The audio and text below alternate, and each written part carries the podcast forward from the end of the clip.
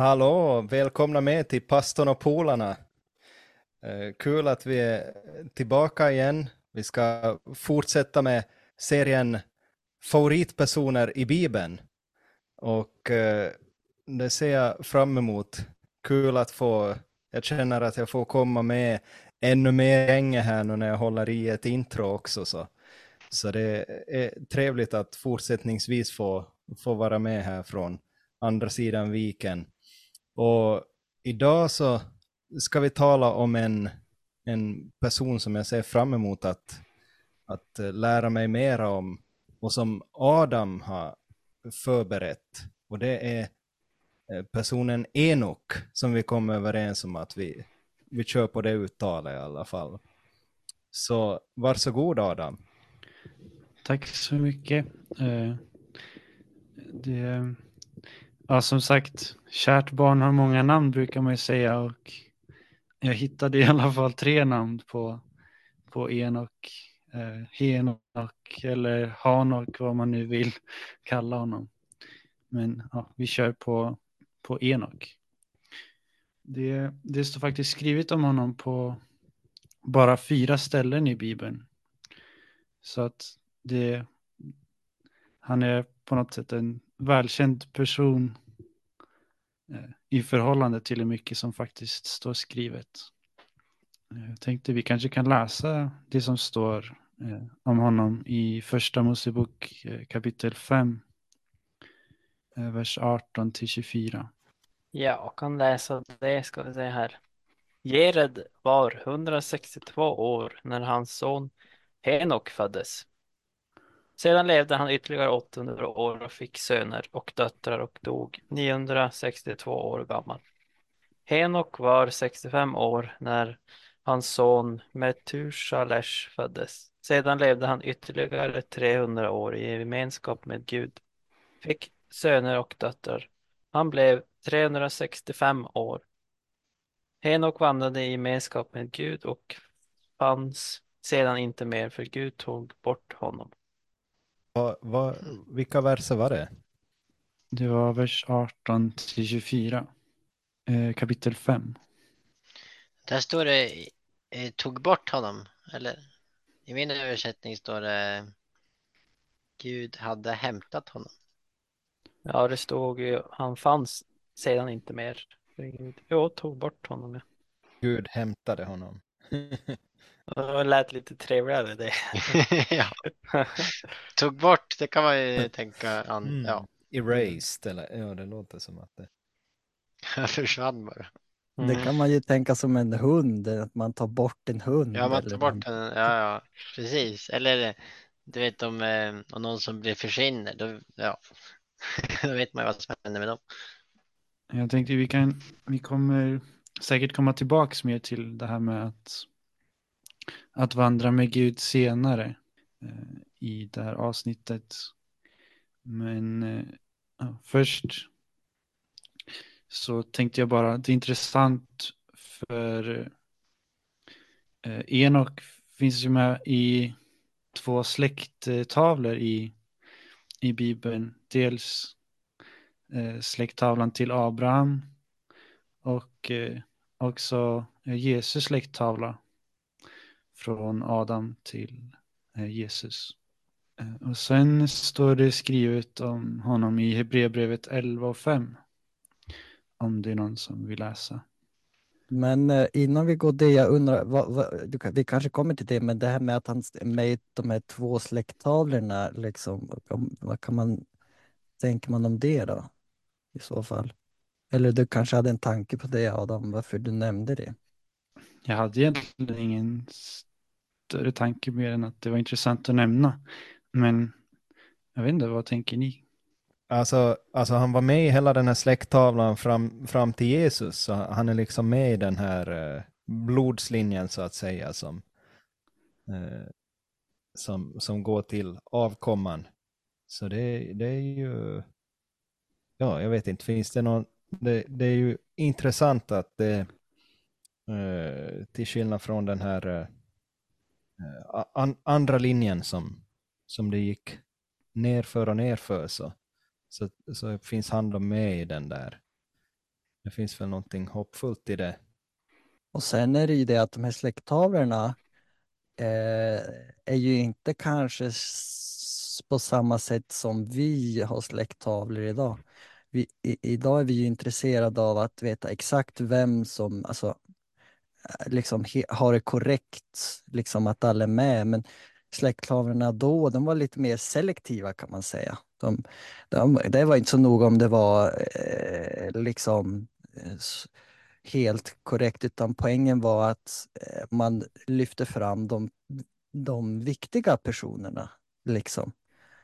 Eh, och släkttavlorna var också för att, för att man ville visa att vem, vem man är släkt med och var man kommer ifrån.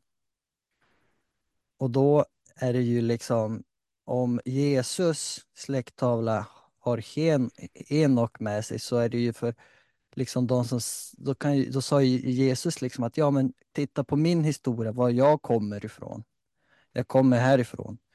Ja men jag kommer också därifrån kanske andra tänker. Liksom det, var, det var rötterna som var eh, betydelsefullt. Så det var liksom viktigt att, att man var i rätt släkttavla och att man kunde visa på var man kom ifrån. Så för, Henok, eh, för Enok var det kanske inte så noga, men det var ju de som kunde se att, att de var släkt med han som det gjorde skillnad. Jag vet inte om ni fattar vad jag menar. Att, att det ger en slags tillhörighet kanske. Precis, det är en tillhörighet. Lite status också kan det vara. Ja, status. Men bara om, om, eh, om de vandrar, eller om Enok vandrar med Gud på det viset, om man är släkt med honom, då kanske det finns lite va- vandring i mig också, eller jag kan söka kontakt med den här guden också. Ja, det var sidospåret, men jag tog fram den vi, som Adam sa att vi skulle läsa. Vad var det? Hebreerbrevet 11 och eh, 5. Eh, genom tro rycktes Enok upp för, eh, utan att behöva dö. Man kunde inte hitta honom längre, för Gud tog bort honom. Innan dess hade Enok nämligen fått vittnesbördet att han behagat i Gud. I den första vi läste så stod det att han vandrade med Gud och här står det att han, som du läste, behagade Gud. Eller i min står det funnit nåd hos Gud. Ja, fått vittnesbördet att han behagade Gud. Ja. Hur eh, vandrar man med Gud? Eller hur kan man också få det vittnesbördet själv? Det är väl Gud som bestämmer i slutändan. Eh, om man liksom, alltså det är från Guds sida, tänk, tänker jag mer att Gud valde att ta en och han kanske hade kunnat valt att ta Noa eller någon annan, för Noa var ju rättfärdig inför Gud i, när alla andra inte var det också. Alla de andra som det står om här i kapitel 11. Ganska intressant, det var bara han. Men eh, jag tänker på Jesus, som det står att han är det trovärdiga vittnet. Eh, att den här, det, det här som eh, Enok måste ju ha fått en, en väldigt stark inblick i liksom den här frälsningsplanen som skulle fullföljas genom Jesus. Men om man ska vara lite kritisk, eh, så här. Eh, mm, jag vet inte, det var bara en tanke som jag fick nu. Jag har inte tänkt så mycket djupare på det, men det står att genom tro rycktes Enok upp utan att behöva dö. Man kunde inte hitta honom längre för Gud tog bort honom. Det kanske var att han kanske bara eh, vandrade bort och dog i öknen och ingen hittade honom och sen sa de att ja, men han var så rättfärdig och trodde på Gud och Gud, Gud han for upp till i, eh, dit, men i själva verket kanske det var bara att han, han försvann och ingen visste var han var. Så låg han och dog någonstans. Jag vet inte, det var bara en tanke jag fick. Alltså, jag har någon gång hört om det där, jag vet inte om du nog har läst om det Adam. För, för, jag, jag vet inte varifrån det kommer, men jag har på något vis fått för mig att man kan hitta liksom någonting som styrker att, att de nog att de nog ska hitta honom. Att, att han skulle inte bara kunna försvinna, men det kan hända att jag, att jag blandar nu.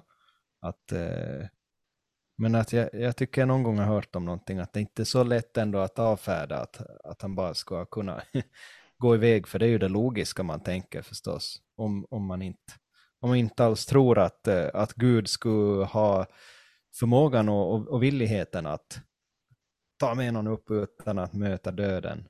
Ja, ni har inte hört någonting, något, något bevis på det sättet för att, att det inte var att han hade gått och, och gömt sig någonstans eller gått och dött.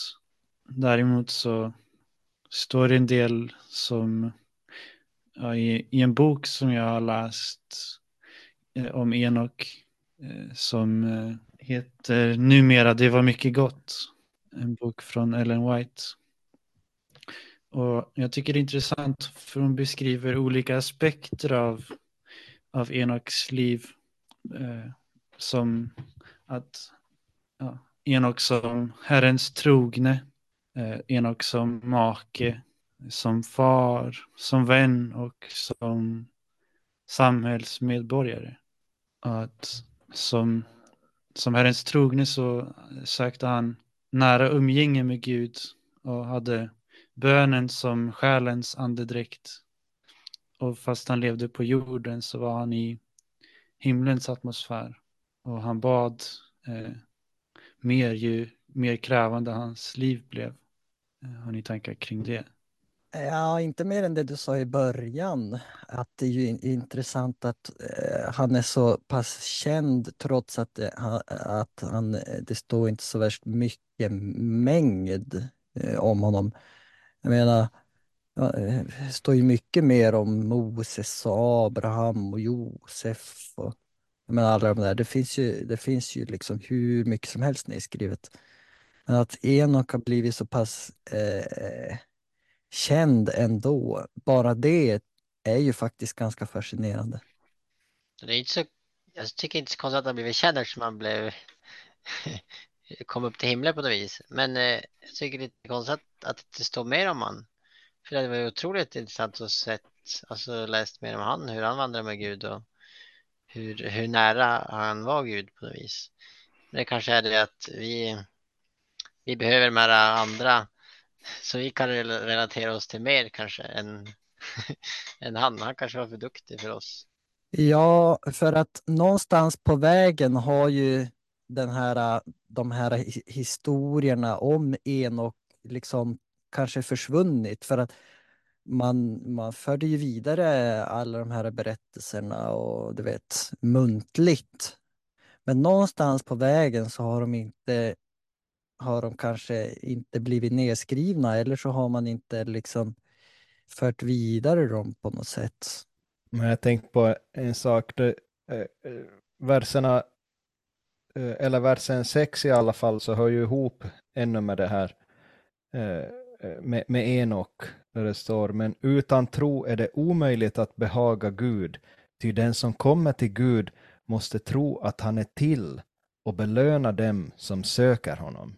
Så den versen kanske ger någon, någon inblick i, i hans vandring också, eller hans, eh, hans eh, sy, synsätt.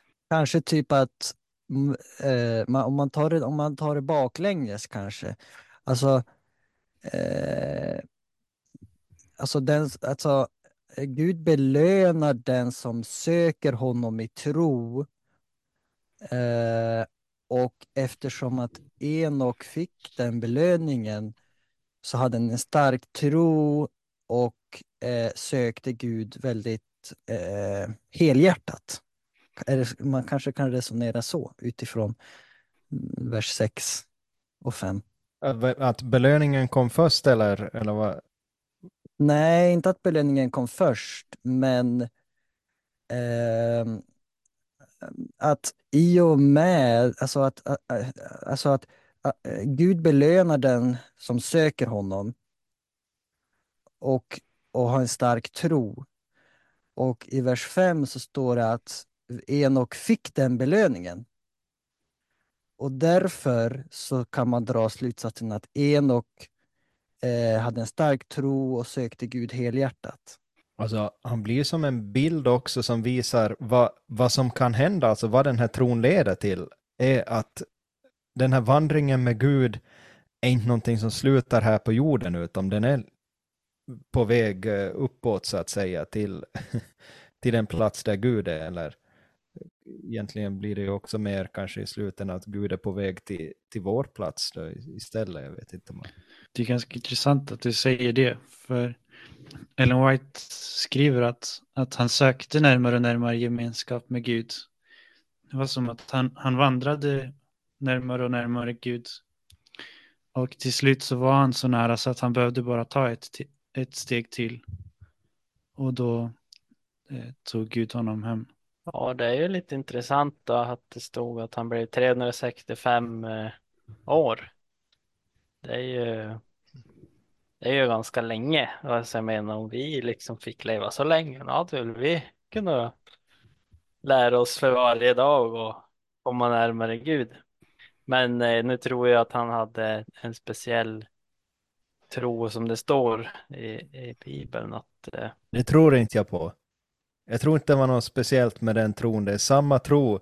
ja, För tron är en precis. gåva från Gud. Så det kan inte vara liksom någonting speciellt. Det är det, det är det där som är, är frågan. Att liksom, hade han någon supertro som han är den enda som fick? Eller var det bara han och typ Elia som fick den? Eller fick Mose den till sist? Han uppstod ju från de döda. Va? Ångrar Gud sig och var sådär att ah, men Moses han hade en, i slutändan en supertro. Let's go. Han får också komma hit. Alltså det är lätt att tänka så. Jag fattar ju att det är lätt att tänka så egentligen. Tänk att de, oj, de var duktiga de där alltså. Men, eh, men sen när man för i nästa vers i sjuan så börjar det ju stå om Abraham.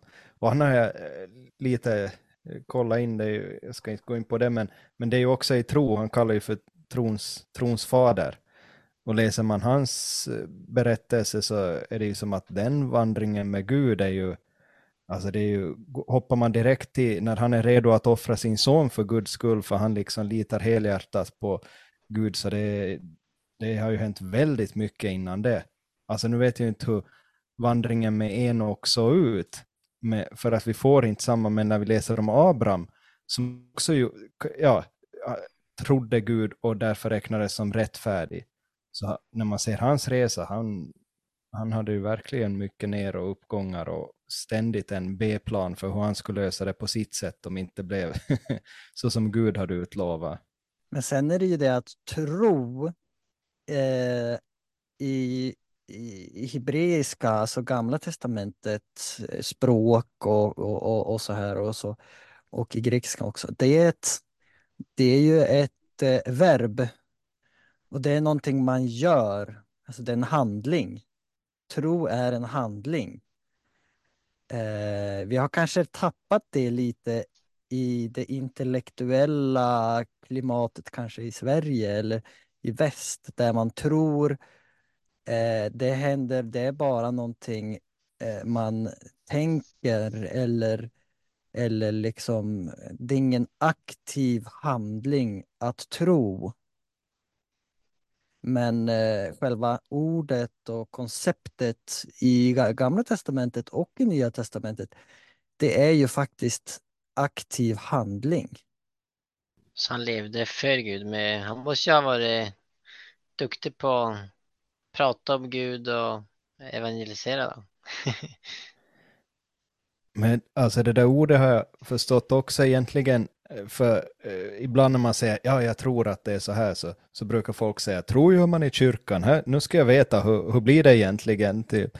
Men att eh, egentligen är, är det väl också mera korrekt kanske när man talar om, om den tro som, som Bibeln talar om, att det handlar om tillit. Att lita på Gud. Och det är ju någonting som jag tänker mig att Enok litade på Gud. Där kommer vi in på det här löftet, att det var någon vittnesbörd som, eh, som han har fått. Det vittnesbördet om den här frälsaren och han litar på Gud totalt att eh, Jesus skulle eh, räkna honom som rättfärdighet, Jesu offer. För Enok var ju ingen, alltså han hade ju knappast gjort allt rätt eftersom det står att alla har syndar gått miste om härligheten från Gud. Men hade du något mer Adam i dina, i dina, din tanke? Jag har en liten, jag vet inte, fun fact. Eller jag vet inte om den är så rolig. Men eh, jag vet inte hur många som... Men Enok var också profet. För han fick en, en son som hette Metusela.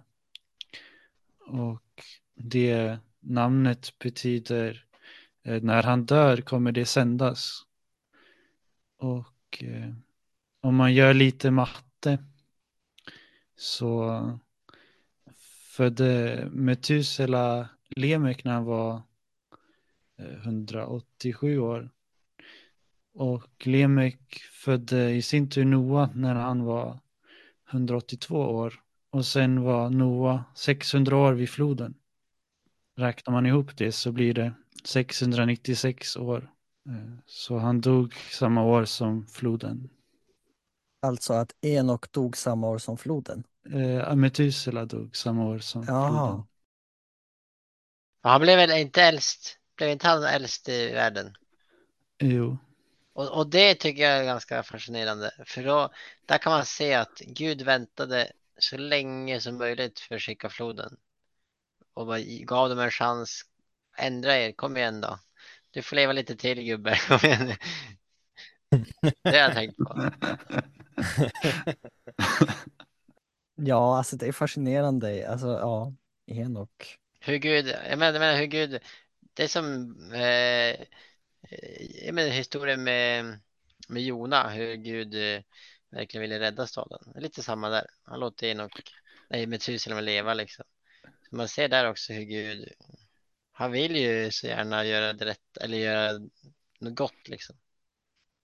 Men Adam, jag tänkte nu när vi pratar om Enok och eh, favoritpersoner i Bibeln, vad är det som att du tänker att, att jag har fastnat just för Enok här? För eh, jag menar, ja, han är känd, men eh, en favoritperson, hur har det blivit så för din del?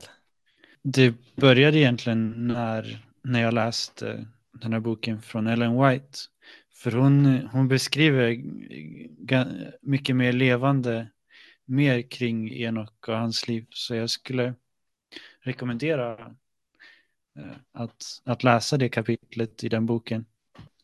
Berättar inte så mycket om, om precis vad hon skriver där, men för mig så blev det han en förebild för hur, hur jag skulle vilja leva. Eh, dels att uppenbara Guds kärlek för de som eh, han levde bland. Att förkunna både för troende och icke-troende. Och tala sanningen, även om det kanske inte är alltid det folk vill höra. Boken finns ju på eh, skandinaviska bokförlaget.se om man vill köpa den där. Kan vi ju bara flika in. Ska vi länka den här nere eller? Så det, det, det kan vi inte gå in på nu, men det, det finns ju tydligen en annan bok som heter The Book of Enoch som är väldigt känd i vissa kretsar, men jag tror att den är, det är liksom lite mera okult kanske hur den används. Jag, jag är inte så insatt i den, men, men den är tydligen, jag tror det är också kanske en orsak varför han är så känd att det på något vis har, finns andra berättelser om honom också. Det kan nog stämma, jag har hört om det där också, men det är ju en sån bok som inte kanske riktigt platsade i Bibeln när det, när det begav sig. Men det finns något sånt. Men som sagt, jag har ingen aning ens vad det men mer än att det finns. Nej, exakt, jag vet inte om den räknas till apokryferna eller någonting helt annat. Men har vi, mer, har vi något mer att säga eller är det dags att börja avrunda vårt samtal kanske, eller? Ja, jag tänkte bara en sak att fundera över kanske. Han, han levde ju, på den tiden så, så levde de ju så länge att, att det var ändå ganska nära floden och förstörelse och vi ser runt omkring oss att naturen och människorna och allting går mot mer och mer förstörelse. Så jag tänkte, vilka lärdomar kan vi dra? Det är en bra fråga. Eh, och det kan ändå, ändå relevant alltså. För vi lever ju i vad som verkar en förstörelse. Vi får göra som han, bara vara goda mot våra medmänniskor. Leva i tro och liksom leva och tro Det finns kraft i tron. Det finns kraft i tron. Den som kommer till Gud måste tro att han är till och belöna dem som söker honom. Så den typen av tro är någonting som vi får söka efter också. Men vi kanske avrundar det här för idag då. Eller vad säger ni? Tack Adam för att du har tagit oss i, till Enoks berättelse och så hörs vi i ett annat avsnitt med en annan favoritperson i Bibeln. Så ha det bra så hörs vi. Ha det bra! Hej då! Hej då.